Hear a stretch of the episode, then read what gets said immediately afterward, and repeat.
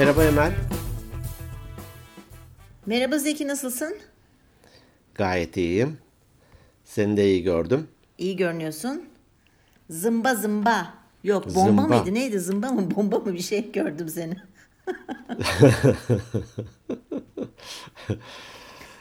Öyle bir arkadaşım İşte bir alet vardı. gibi görünüyorsun ne bileyim.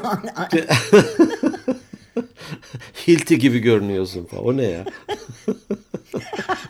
gibi. Bir arkadaşım vardı Cihangir adı da e, ne zaman arasam nasılsın diye bomba gibiyim, gibiyim derdi. Hani kelimeler önemli ya. E, bence Evet. bu tür şeyleri kullanmakta hiçbir mahsur yok. Ya evet bir e, e, hatta bir espri var işte eskiden bomba gibiydim yaşlandım molotof kokteyl oldum falan gibi espriler de dönüyor. Ortalarda Doğru. iyi iyi. Geçen bir arkadaşımla e, Zoom'da işte bir üçlü toplantı yapıyorduk. Orada e, Karadeniz yöresinin insanından bahsederken hani yöre insanının özellikleri şunlar şunlar falan diye. Mesela dedi nasılsınız diye sorulduğunda genellikle iyiyim işte sağ ol teşekkür ederim hamdolsun sen nasılsın falan. Bu yörede nasılsın diye sorduğunda bir kişiye sıkıntı yok der dedi. Hani genel anlamda sıkıntı var da şu an yok. Dolayısıyla hani kelimeler önemli hakikaten. Bomba gibiyim demenin hiçbir mahsuru yok. Ben de genellikle gayet iyiyim derim hani. Evet iyi. Ee, sıkıntı yok mu? Var. Problem yok mu? Hep var. Ee, ne yapayım hani? Kötüyüm, Var. daha da kötüyüm. Olacak sen sorunca sen sorunca daha da kötü oldum falan diyecek halim yok yani. Evet zaten hani laf ola beri gele derler ya hani nasılsın e, öylesine soruyoruz. Aslında birçoğumuz hani karşı tarafa nasılsın diye sorduğumuz zaman çoğu zaman belki cevabını bile hani e, dinlemiyor dinlemiyor olabiliriz. Belki adam çok kötü. Biz hep o kadar alışmışız ki iyiyim lafını duymaya. Mesela ya canım çok sıkkın dediğinde ha iyi tamam ben deyim falan deyip geçip gidebiliyoruz. Meğer o ben ölüyorum falan Dinlemek de diyormuş. ha önemli iyi, tabii. iyi olur geçer geçer falan. iyi tamam. geçmiş olsun geçmiş olsun deyip yola devam etmekte fayda var. Doğru. Peki e, Evet. bende iki tane daha doğrusu üç tane ama e, ikisi e, bir kişiden sevgili Yağmur. Onları istersen öncelikle bir bahsedeyim. Sonra da sen de Instagram'da varsa oradan devam ederiz. Olur. Sonra da bugünkü konumuza geçeriz. Birincisi İrem. Sevgili İrem merhaba diyorum buradan. Merhaba. Ee, demiş ki merhaba sevgili Emel Hanım ve Zeki Bey. Sizi severek takip ediyorum ve keyifli vakit geçiriyorum demiş. Özellikle anılarınızı anlattığınız bölümünüz en sevdiğimdi. Ee, güzel sohbetiniz ve samimiyetiniz için teşekkür ederim. Sevgiler demiş. Ben de ona minik bir e, cevap yazmıştım. Ee, Sağ anılar hep bahsederiz yani. Birinin hayatını okumak ya da e, dinlemek. Yine sanırım bahsetmiştik e, bu e, özgeçmiş bölümünde galiba işte özgeçmişteki e, hobiler, uğraşlar bölümüne e, ilginç şeyler yaz, yazsanız e, dikkat çekiyor diye. Bir tanesi mesela yaşlı insanlarla sohbet etmek yazmıştı anılarına. Bizim podcast'imizi dinleyerek de benzer şeyi Evet. karşılamış olabilir iki yaşlıyı. Yok. Yaşıyorlar. Bir yaşlı bir bir yaşlı bir genç diyeyim seni öbür tarafta tutarak. Estağfurullah yaş almış diyelim lütfen. Tevazu Lütfen, göster. lütfen. Yaş almış lütfen. Tamam, Ee, ben seni asla yaşlı olarak görmüyorum. Eyvallah. Lütfen. Diğeri de Yağmur. Aynen şöyle yazmış. Herkese merhabalar diye güzel de bir gülücük göndermiş. Merhaba Yağmur diye buradan el sallıyorum. Selam Yağmur. Acaba bu benim Instagram'a yazan Yağmur'la aynı Yağmur mu? Merak ettim. Demiş ki herkese merhabalar. Ben Yağmur 14 yaşındayım demiş.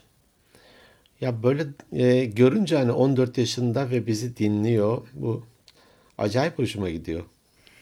Be- Benim de çok hoşuma gitti. Ee, bu eğer 14 yaşındaysa Instagram'a yazan Yağmur da o zaman aynı Yağmur. Olabilir belki de. E, sizleri çok samimi, komik, eğlenceli buluyorum demiş. Sohbetiniz de çok güzel. Sizi seviyorum demiş. Bir de organik beyinler klasiği diye parantez içinde e, ekleyerek devam etmiş. Diyor ki sizi dinlerken yanımda gibi hissediyorum. Sizi yaklaşık iki ay önce keşfettim. İyi ki de keşfetmişim. Dinleyiciniz bol bol olsun inşallah demiş ve Antalya'dan selamlar demiş. Biz de ona buradan El sallıyoruz.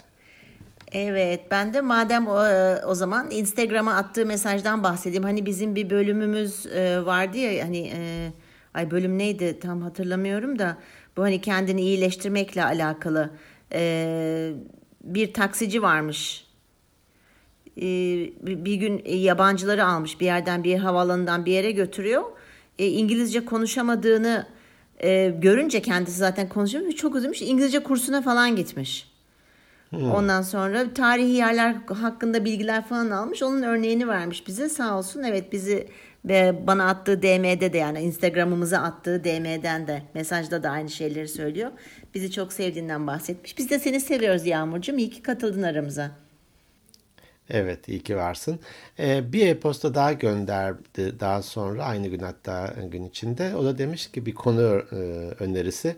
Arkadaşlık Sağanak ilişkileri gibi... ve Sağanak yo, yo, gibi yağmış yağmur. yağmur.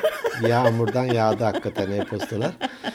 Arkadaşlık ilişkileri ve arkadaşlık hakkında bir bölüm çeker misiniz diye de rica etmiş.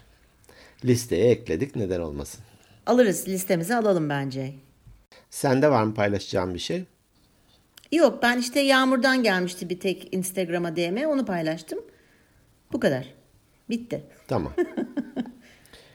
Bitti. Nokta. Nokta. Ee, daha önce birkaç konu örneği var demiştik ve bunlardan bir tanesi de Armağan Bey'in e, önerisiydi hatırlarsan. Evet. Bizim hem e, sadık dinleyicimiz hem de birinci podcast e, buluşmamıza da katılmıştı. Bir Güldür Güldür Show klibi göndermişti. Müdahaleci aileler olsun mu konumuz demiştik Aha. ve bugün evet. onu konuşalım diye hafta içinde seninle yazışmıştık. Evet. Şimdi e, tabii çekelim. E, şöyle bir şey ben bu konuda tabii ki hani notlar aldım biraz da hani araştırma yaptım e, biliyorsun amaç kaliteli e, bilgiler sunmak dinleyenlerimize. E, araş... Araştırma mı yaptın Ayn aynaya mı baktın? E, bir üst kata çıktım babamlara. şöyle bir sizden bahsedeceğiz baba Evet, diye. şöyle bir çocukluğuma geri döndüm. Oradan da verebileceğim örnekler de var. Ee, ama şöyle bir şeyle karşılaştım. Ee, müdahale, ben hep İngilizce yapıyorum genelde araştırmalarımı. Helikopter ebeveynler diye bir şey çıktı karşıma. Bir terim. Bunun aslında... Kimmiş onlar ya? İşte biz nasıl diyoruz müdahaleci ebeveynler diye. Aslında bu helikopter ebeveynler diye geçiyor. 1969 yılında ortaya atılmış bu kavram. E, kimse o arada ciddiye almamış. Sonra tekrar 1980'lerde birazcık daha popüler olup işte 90'larda bayağı sıklıkla kullanılmaya başlanmış. Peki sence neden helikopter ebeveynler denmiştir? Ya hep tepelerinde durduğu için mi acaba çocuklar? Evet, bravo. Hep tepede bir de heli ha, gerçekten. Evet, bir de hani helikopter olduğu yerde havada asılı kalabiliyor. Hani amaçları korumak Hı-hı. çocuklarını dışarıdan hani güvenli bir şekilde hmm. tutmak. Bir de biliyorsun helikopterler hep genelde hani kurtarma çalışmalarında da kullanılıyor. Güvenlik ve kurtarma. Dolayısıyla hani çocukları koruma, kurtarma, güvenli ortam sağlama şeklinde. O yüzden öyle bir terim ortaya çıkmış. Aslında güzelmiş. Neden anlamamışsa insanlar 1960'larda. Evet, evet. erken erken konuşmuş bence. Galiba. Enteresan. Evet, e, bugün helikopterlerden bahsedelim dedik. Peki Zeki, soruyorum. Sen ve Refika Hanım acaba helikopter ebeveyn misiniz? Dönem dönem mutlaka olmuşuzdur.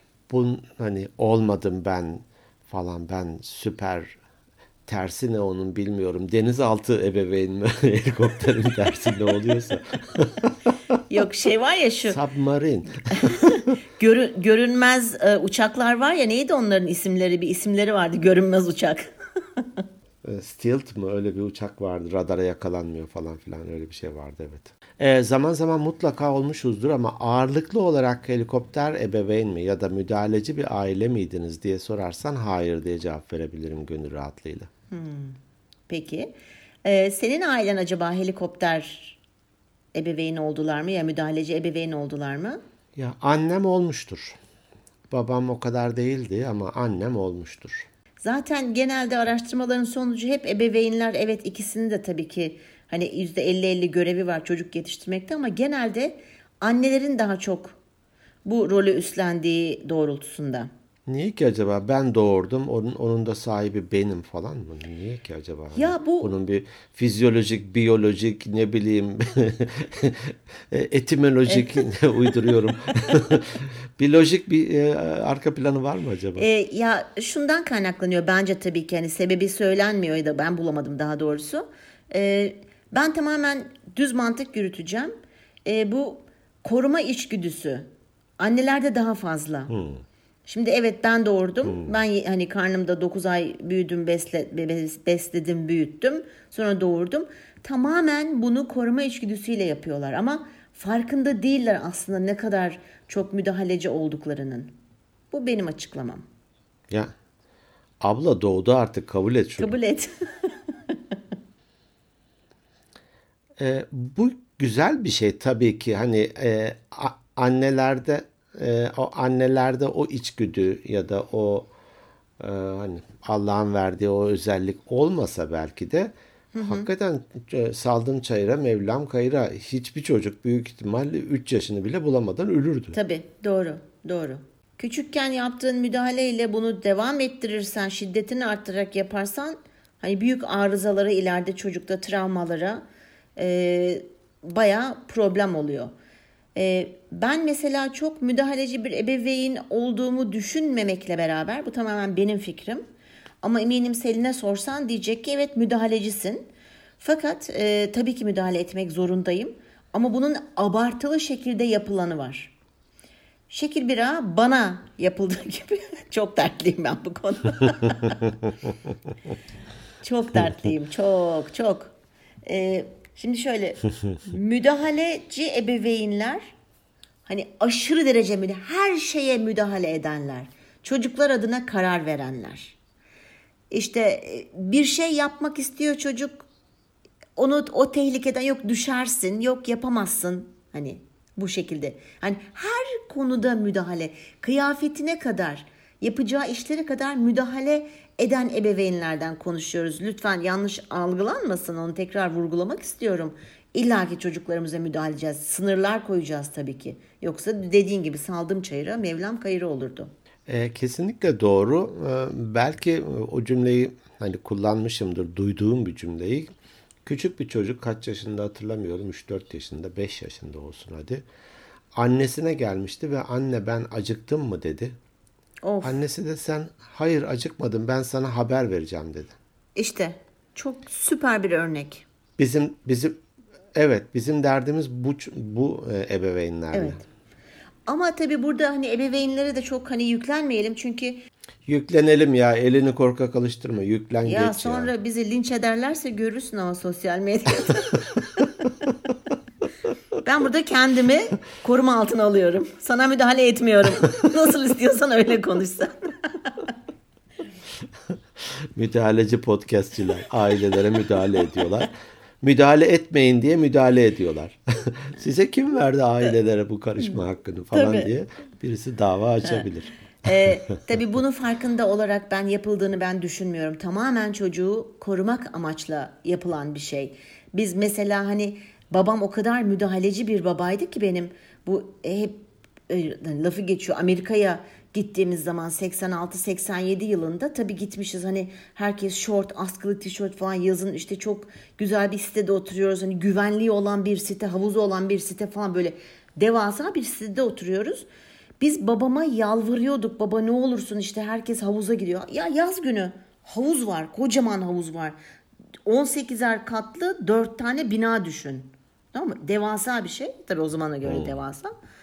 E, yalvarırdık ya ne olur havuza. Ya hayır işte kayarsınız düşersiniz. Olmaz biri bir şey söyler. Kavgaya karışırsınız falan. En sonunda biz babamı ikna etmiştik. Babam şöyle ikna oldu. Dedik ki biz havuza gitmek istiyoruz. Bütün arkadaşlarımız orada. Babam ertesi gün eve elinde dürbünle geldi. Git gidin ama gözümün önünde olun. Evet. Çünkü bizim evimiz havuz tarafına bakıyordu oturduğumuz daire. Ee, 14. kattaydı evimiz. Ve biz kardeşimle havuza gittik ve babam balkondan bizi dürbünle izledi. Var mı böyle bir olay? Var. Yaşadım ben. Tam bak işte 14. kattan aşağı bakınca helikopterden ba- helikopterden bakmış gibi oluyor. Tam e, Helikopter aile. Çok iyi. ya.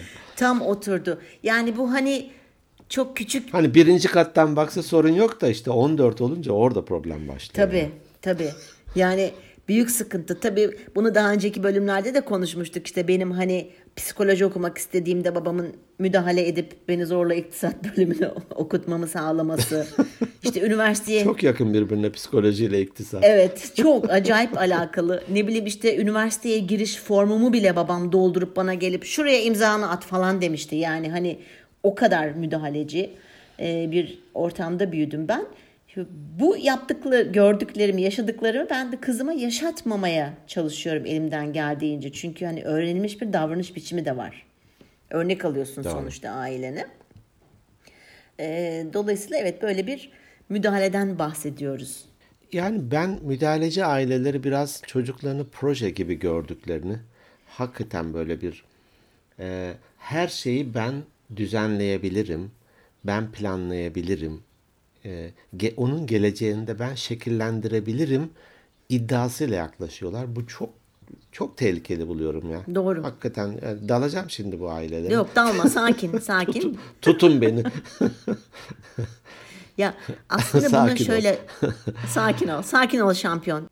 Şöyle bir örnek vermek istiyorum. Ee, bir öğrenci koçluğu gibi biraz gönüllü e, bir e, görüşme yapıyorum öğrenciyle. E, lise sonda ve Amerika'ya gidip oku ailesi onun onu Amerika'ya gönderip e, okumasını istiyor. Yani üniversiteyi orada oku, okusun istiyorlar. Baba doktor, anne eczacıydı hatırladığım kadarıyla. Tek çocuk. Şimdi tek çocuk olunca da e, bütün helikopter bakışı bu çocuk üzerinde haliyle. Ve baba doktorluğu bırakıyor, anne eczaneyi kapatıyor, çocukla birlikte Amerika'ya yerleşiyorlar sırf onu okutmak için. Şimdi ve bölümünü de aile seçmiş zaten.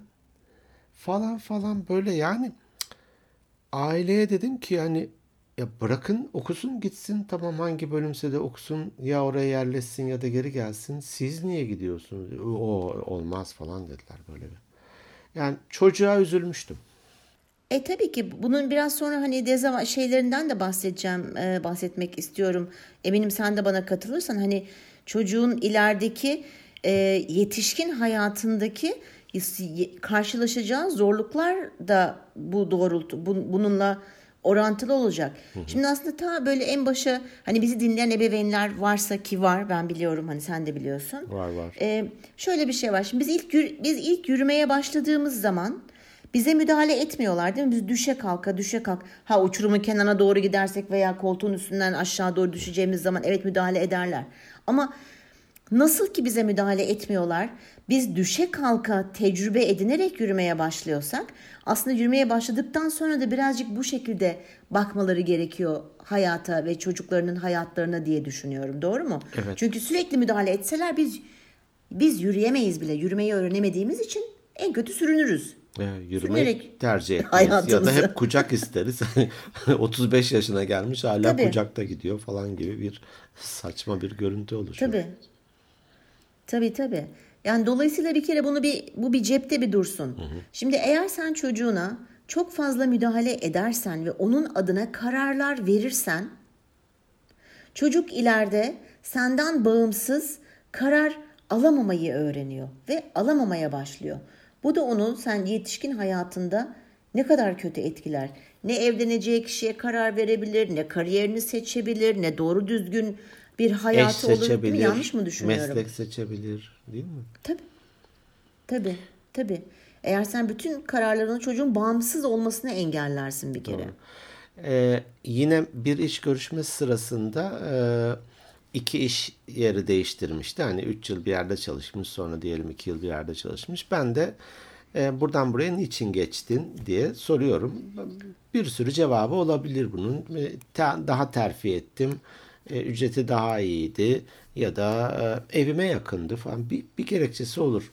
Her ikisi için de bunu söyleyen 30 yaşına yakın bir erkekti. E, herkes geçiş içinde ailem öyle uygun gördüğü için dedi çocuk. Al işte. Bu kişiden ne olur? Yani bence Hani hiçbir şey olmaz diyemeyeceğim de çok az şey olur ya. Çok az şey olur çünkü e, o kadar kötü bir şey ki yani senin verdiğin örnek anne benim karnım acıktı mı ne demek ya? Aynen bunu kulaklarımla duydum ya. Anne ben acıktım mı dedi. Hayır acıkmadın ben sana haber vereceğim dedi. Peki dedi çocuk. Şimdi bu çocuğun büyüdüğünü, Evet. ne bileyim meslek seçmesi gerektiğini, eş seçmesi, evlenmesi gerektiğini, ne bileyim bir yönetici oluyor falan. Her seferinde bir yukarıdan onay almak ihtiyacı hissediyor. O zaman sen Doğru. kimsin? Tercihin ne, isteğin ne? Ee, mesela başka bir şey gene bu dediğim mesela arkadaş seçimlerinde hani biz ebeveynler ol- olarak o yollardan geçtiğimiz için çocuklarımızın edindiği arkadaşların tabii tanıdık tanıyorsan eğer e, ilgileniyorsan eğer kimlerle takılıyor benim çocuğum diye iyi mi kötü mü olduğunu biz az buçuk tecrübelerimizden e, anlayabiliyoruz. Ve bunu bazen hani uyarma gereğinde bulunuyoruz. Ama müdahaleci bir ebeveyn eğer çocuğunu öyle yetiştirdi her şeyine müdahale ediyor. Atıyorum şu A kişisiyle görüşmeyeceksin dediği zaman çocuk da hiç sorgusuz sualsiz öyle alıştı ya tamam deyip de onunla arkadaşlığını bitirdiği zaman çocuk çocuğu aslında şundan esirgemiş oluyor anne. Göremiyor ki o insan gerçekten iyi insan mı kötü insan mı? Çocuk eğer kimin iyi kimin kötü olduğunu tecrübe edemezse ileride de doğru düzgün arkadaşlar seçemez. Belki tek başına kalır bütün. Böyle iletişim de kuramaz insanlarla. Düşünsene bir iş yerine falan girdiğini. Büyük sıkıntı. Doğru. Bilmiyor ki kim iyi kim kötü. Toplumda bir yeri olmaz çocuğun. Evet kesinlikle öyle ve hani iyi kötüden ayırt edecek elinde bir ne bir deneyim ne bir kriter hiçbir şey olmayacak. Çünkü ona hep söylenmiş olacak. Bu iyi bu kötü. Bu güzel bu çirkin. Evet. E, tam da ben bundan biraz bahsetmek istiyordum. E, bu e, Acar Baltaş'ın e, güzel e, internetten de bakılsın güzel konuşmaları var, videoları var. Diyor Evet. ki Doğru. biz çocuklarımıza e, kötü duyguları yaşatmıyoruz. Yaşatmamak için böyle onların çevresine hani fanus gibi böyle bir koruma kalkanı duvarı örüyoruz. diye. Mesela karnesinde zayıfla geliyor. Zayıf hani çalışmamış ve diyelim ki 2-3 dersten zayıf almış ya da sınıfta kalmış. Kalma var mı yok mu onu da bilmiyorum da. Aman aman psikolojisi bozulmasın diye hiç böyle gündeme bile getirmiyoruz onu. Ya bu, bunun, Evet. bunun mahcubiyetini yaşamalı diyor. Tamam mı? Tabii. Hani bunun hesabını vermeli bir Ya- kere. Yani bir tecrübe edinmesi lazım. Dediğin gibi yaşaması lazım. Sen eğer çocuğunu her şeyden... Ya şöyle etrafıma bakıyorum ben buna ben de dahilim bak. Ben kendimi bundan soyutlamıyorum. Çocuklarımızı sanki 15. yüzyıl Fransa'sında yaşayan prens ve prensesler gibi Evet. yetiştiriyoruz. Çok tehlikeli. Veya ya. öyle olmalarını Çok istiyoruz. kötü ya. Hakikaten kötü. Acayip tehlikeli. Çocuk tecrübe edemeyecek ki hiçbir şeyi. Bak demek ki arkadaşlık örneğinden şimdi Selin'in bazı hani arkadaşları oluyor tabii ki. Şimdi ben tabii ki bütün arkadaşlarını tanımaya gerçekten özen gösteriyorum. Bilmem gerekiyor çocuğum kimlerle takılıyor, nasıl alışkanlıkları var. Az buçuk anlıyorsun. Hmm, Diyelim ki 3-5 arkadaşı vardı. Şimdi ben bazı hareketlerinden, işte Selin'in anlattıklarından aslında ona göre uygun arkadaşlar olmadıklarını ben şimdi öğrendim. Fakat çok da fazla müdahale etmek istemiyorum tamam mı? Çünkü müdahale ettiğim zaman e, çocuk oraya doğru daha çok gidecek. Ben bunu birkaç kere böyle söyledim hani hafif yollu işte kızım hani acaba onlarla görüşmesem mi falan filan uzatmayacağım. Bana dedi ki Selin anne dedi onun kararını bırak da ben vereyim yaşayarak dedi. Ben dedi tecrübe etmezsem dedi hiç kimseyi tanıyamam dedi. Ben böyle kalmıştım onu çok iyi hatırlıyorum. Doğru. Ondan sonra çok fazla ama tabii hani çok iğrenç alışkanlığı olur da şey yaparsın hani evet diretirsin illa bir müdahale gerektirir. Mutlaka. Ama dedim ki ha demek bunun farkında çocuk. Sonra birazcık daha elimi üstümden çektim. Çekmeye çalışıyorum daha doğrusu ama çektim diyebilirim. Doğru. Ee, çok yanlış. Çünkü bizim ben mesela benim hiç arkadaşım yoktu. Ben diyorum ya ben üniversite 2'de açıldım kabak çiçeği gibi tek başıma kalınca Amerika'da. Ee, bizim evimize arkadaş gelemezdi. Benim sevgili manasında değil de cinsiyeti erkek olan arkadaşım bile olamazdı. Yasaktı çünkü. Yani o yüzden çok zorlandım ben. Elinde elinde dürbünle bakan biri var. Nasıl olsun Emel? Biri var düşünsene. Biri Hatta bizi gözetliyor. te- teleskop almış hatta ve 5 kilometre öteden de takip ediyor falan. Çok iyi. Ee, Tabii, bir tabii. tanıdığımız Tabii. e, böyle bize gelmişti. E, Bir de işte ilkokula giden ya da evet ilkokula gidiyordu sanıyorum. Bir de oğlu var. Hani böyle bir vakit geçirelim falan gibisinden. Onunla ıskambil oynuyoruz. E, En basit oyunda kaptı kaçtı mıdır? Nedir böyle bir işte hani en basit bir ıskambil oyunu. O da Pişti. pişti. E, Onun gibi bir şey diyelim ki. Fakat tabii ben de e, yenili vereceğim aslında ama hani gelen kağıda göre de pek de bir şey yapamıyorsun bazen. E, oyunun biraz sonuna doğru e, çocuk hile yaptı. Kağıt çaldı. E Dedim ki ya bir dakika dedim hani sen oradan kağıt aldın hani falan "E, evet evet dedi. Annesi dedi ki yalnız o hiç kaybetmeyi sevmez dedi. Kaybetmedi hiç dedi. Allah Allah. Ah canım benim. E dedim hayat böyle değil ki keşke de hani şimdi kaybetmesine bile izin vermemiş aile. Hep kazanmış o. Dedin yani e, saray Tabii. sarayda e, yetişme prens ve prensesler kaybedecek, Evet, yoksun kalacak. Ne bileyim Tabii hani ki. onları yaşamazsa Tabii. nasıl e, hani iyinin farkına varamazsın ki hep zıttıyla e, yaratılmıştır ya her şey. Yani iyi kötü, sıcak soğuk, gece gündüz Doğru. falan. Evet. E, gece olunca gündüzün kıymetini biliyoruz ya da gündüz olunca gecenin kıymetini biliyoruz. Onun gibi yani çirkinin Doğru. yanında güzel var. Aradaki mukayese sebebiyle güzel oluyor. Yani bunları yaşatmak gerekiyor. ki. Bunu yaparak aslında çocuğa gerçekten zarar veriliyor. İyilik yapmış olmuyor. Bunları iyilik adına yapıyor Hayır. eminim. Aman çocuğum, çocuğum. Tabii tabii kötü niyetle yapmıyorlar zaten. Sadece farkındalıkları yok ebeveynlerin. Ee, mesela çocuğa bu e, e, helikopter ebeveynler sorumluluk da vermiyorlar. Şimdi sen çocuğa sorumluluk vermezsen çocuk toplumdaki yerini de bilemiyor biliyor musun ileride? Yani bir iş yerine girdiği zaman birisi bir sorumluluk ver işte senin sorumluluğun bu dediği zaman çocuk afallıyor. Ağır Çünkü geliyor ona. sorumluluk verilmemiş ki. Tabii ki ağır geliyor. Dolayısıyla hani bunu ne kadar küçük yaştan sorumluluk vermeye çalışırsan ben mesela kendi adıma hep örnek veriyorum kendimden. Çünkü hani ben yaşadığım için ancak bunu anlatabilirim büyük rahatlıkla. Selin mesela çocuk ya hani oyuncaklarıyla oynayacak. Tabii ki dağıtacak. 3 yaşlarındayken ben Selin'e odasını toplamasını veya ortalığı toplamasını istiyordum. İlk başlarda böyle çok zorlanıyordu. Aa tamam hadi zorlanma. Yapmadım hiçbir zaman. Hani 10 oyuncak varsa 3'ünü kaldırsa bile ona verilmiş olan bir sorun. Bir de onu yaptığı için kendisini daha özgüvenli hissediyor. Özgüven de kazanıyor. İşe yaramanın faydası, ekip çalışması. Çocuğa bunları da öğretiyorsun sorumluluk vererek. Doğru. Doğru. Buna izin vermeyerek yetişmesini engelliyoruz. Sanki e, ne diyeyim olgunluk yaşı orada dondurulmuş oluyor. Sanki 5 yaşında, Doğru. 3 yaşında, 7 yaşında bir çocukmuş gibi oluyor. 20 yaşına, 30 yaşına gelmiş bir kişi. Bu müdahaleci ebeveynlerin çoğu de, demin dediğin ya işte annesi doktor, babası işte eczacı falan.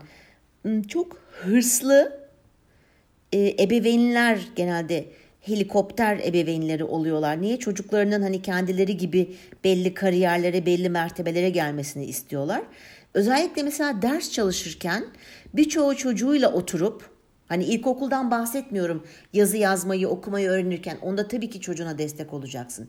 Ama ondan sonrasında da çocuğuyla oturup resmen ders çalışanlar var. Hani o kadar hırslı ki Ödevini hani o yapıyor. çocuğun en başarılı olma. Evet. Evet ödevini yapıyor. Ama çocuk hiçbir şey öğrenmiyor. Sonra ileride ne oluyor biliyor musun? Çocuk tek başına ders çalışamıyor. Üniversite hayatında çok zorlanıyor. Hep yanında birilerini arıyor.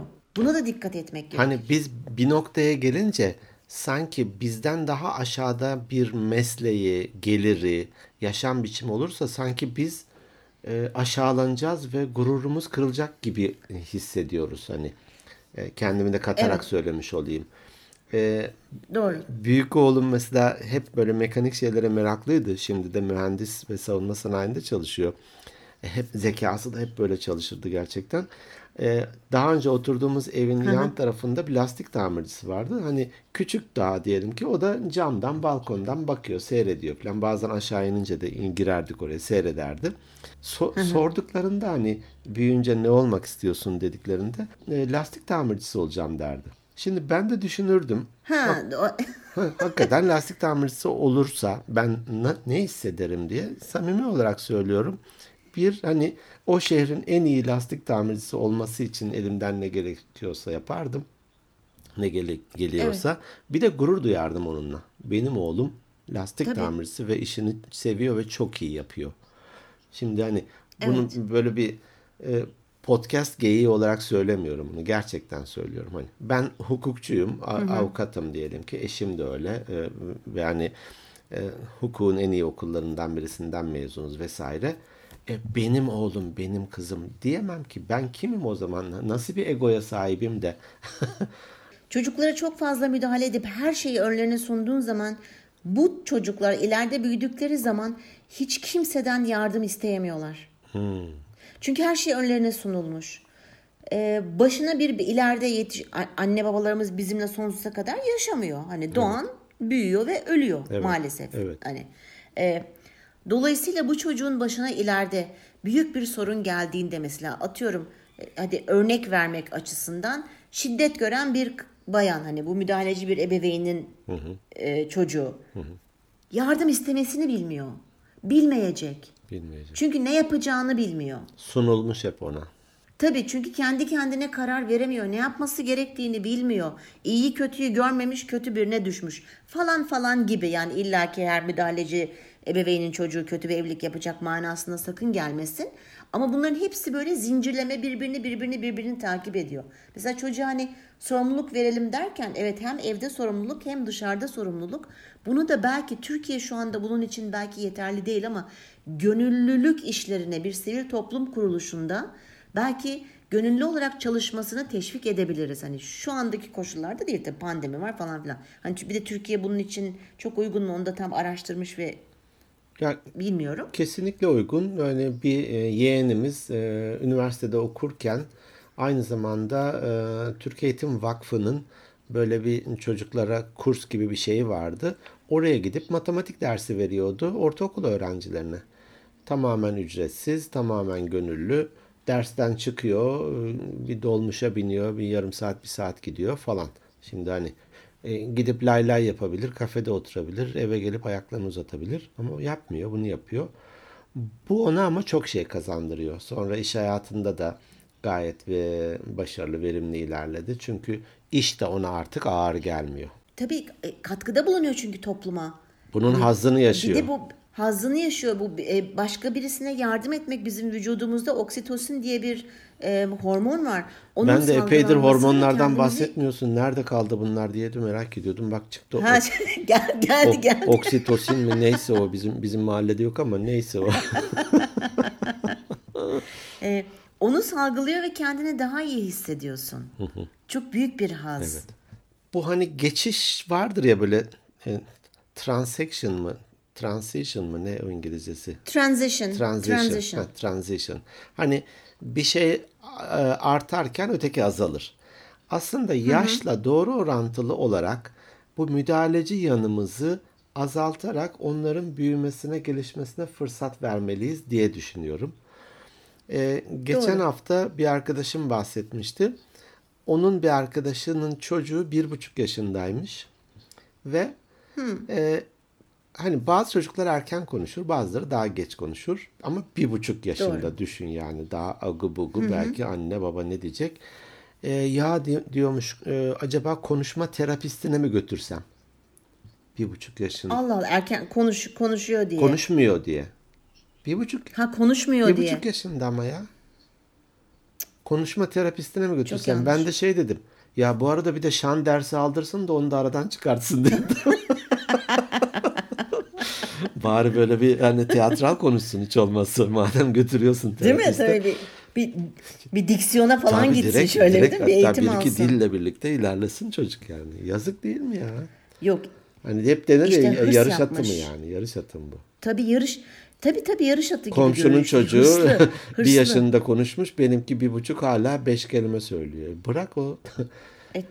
Dünyanın en e, iyi hatiplerinden, konuşmacılarından Cicero galiba kekemeymiş de tabii, ağzına tabii, tabii. Var, var ağzına öyle bir örnekler. evet taş alarak e, ko- koyunlara, kuzulara e, söylem e, söylevler vererek dünyanın en iyi konuşmacısı olmuş. Evet doğru. Yani diyeceğim o ki hani benim bu konuda e, bunun farkına varalım. Çocuklarımızı çok fazla bunaltmayalım. Tıpkı nasıl yürümeyi öğrendiklerinde önlerine taş koymuyor veya hani sürekli ellerinden tutmuyor düşe kalka büyümelerini yürümeli, yürümeyi öğrenmelerini sağlıyoruz. Hayatta da bu, şekilde keşke hani idame ettirebilsek. Yani çocuklarımıza ilaki müdahale edilecek ama çok hani nasıl söyleyeyim çok sonuçları net bariz kötü olan durumlarda. Ama diğer durumlarda kendi kararlarını vermeliler. Sen ona sorumluluk vereceksin. Sen ona e, değerlerini vereceksin. Çok fazla müdahale etmeden zaten bir şekilde doğan büyüyor, öğreniyor ve görüyor diye doğru. düşünüyorum ben. Doğru. Nokta. Hani Bitti. burada nokta. Doğru doğru. Ee, koçvari yaklaşım hı hı. anne babalar için çok kıymetli meğer farkına varmadan biraz koçvari davranmışız. Hani en başta sordun ya müdahaleci bir aile misiniz evet. diye. Zaman zaman yaptığımız olmuştur ama e, evet. geneline baktığımda değilim diye. Mesela küçük oğlumun e, sınıftaki arkadaşlarından bir tanesi çok yalan söyleyen bir çocuktu. Hani ve bazen Ali de bahsederdi hı hı. ondan. Hani çok yalan söylüyor falan. Şimdi ben ona hiçbir zaman demedim ki aman ha sakın onunla şey yapma, arkadaşlık kurma, bilmem ne yapma falan demedim. Ben ona şey dediğimi hatırlıyorum şimdi sen deyince e, aklıma geldi. E, peki onunla ne yapmayı düşünüyorsunuz hani arkadaşlarınız konusunda dedim. Şimdi bu bile sorumluluk Hı-hı. aldırarak onun hem farkında zaten onun yalan söylediğini o da bahsediyordu. Ama ne yapacaksın öyleyse? Buna bile Doğru. sen karar ver. Ki o zaman ilkokula gidiyordu ya Hı-hı. en fazla ortaokuldur ama değildi bile. E, o da dedi ki ya onunla arkadaşlığımızı biraz soğutuyoruz. Cümleye bakar mısın? Oy. ne güzel cümle. Ve hani ona da direkt dememişler. Sen yalancının tekisin bir daha seninle konuşmayacağız bile dememişler. Soğutmuşlar. Çocuk da biraz bunu fark etmiş. Hani sonrasını hatırlamıyorum hikayenin. Belki tekrar o grubun içerisine girmek için normalleşmiştir ya da ya foyan meydana çıktı dur ben başka mecralara limanlara açılayım demiştir. Bilmiyorum. Tabii. Direkt müdahale etmemiştim direkt müdahale etmemiştim ona. E, bu konuda biraz yön göstererek karar alması ve sorumluluğu almasına eşlik etmişim meğer. Evet bak çok güzel bir kelime kullandın yani yön vermek, yön göstermek daha doğrusu. Hani müdahaleden çok biraz ya onu öyle yapma böyle yapma demek yerine yön göstermek. Evet. Dediğin gibi koç var. Ee, şöyle bir şey daha geldi aklıma. Çok e, e, helikopter ebeveynlerin çocuklarında kaygı problemi oluyor. Hani şimdi anksiyete diye girdi ya hmm. artık dilimize de. Hmm. Kaygı problemi oluyor. O kaygı problemi de çocuk ya bir şey yaparsam annem babam bana kızarsa, hmm. annem babam üzülürsem. Çünkü hayatının odağında hep anne babayı mutlu etmek var ya onlara bağımlı olarak yaşamak ya. olduğu için e, çok büyük kaygı problemleri de olabiliyor çocukların. E, bu da ileride işte hayatta işte antidepresanlar, kötü alışkanlıklara falan akabiliyordu. Or- oraya doğru gidebiliyor. Dolayısıyla hani bunları yaparken şöyle bir durup nefes alıp bir düşünmekte fayda var diye düşünüyorum. Vay be güzel şeyler çıktı sanki. Evet e, güzel şeylere değindiğimizi düşünüyorum. Ya ben bir de şöyle yapıyorum genelde not almaya çalışıyorum. Hep dinlerken podcast'i ya şunu da söyleseydim. Aa, keşke bunu da söyleseydim falan diyorum. İnşallah öyle bir şey olmaz bu sefer de dinlerken. Aklıma şu anda hani aldığım notlar arasında haricinde gelenlerin hepsini de zaten sıralamış oldum. Ee, bakalım yani durum bundan ibaret. Bazen bir lafı gediğine koymak ya da bir şey deyince bir lafı yapıştırmak vardır ya. Ee, öyle bir karikatür evet. vardı. Ee, bir tane köpek e, gece yatmış hani yatağında diyelim ki gün içindeki şeyi e, düşünüyor ya diyor hoş dediğinde keşke hav diye yapıştırsaydım cevabı diyor.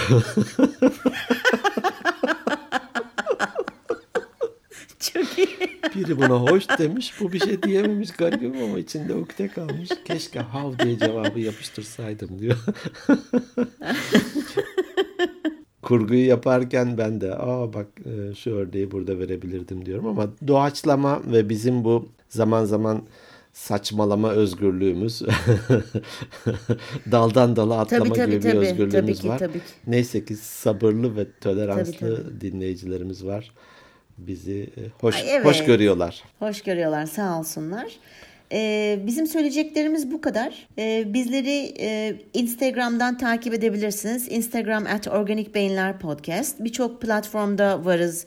İşte Power App olsun, e, Spotify, Apple Podcast gibi. Kendi web sayfamız var. Ee, başka yerlerde eğer bir takım limitler varsa orada tüm eskiden baştan itibaren kayıtları bulabilirsiniz. organikbeyinler.net Bir de e-posta adresimiz var.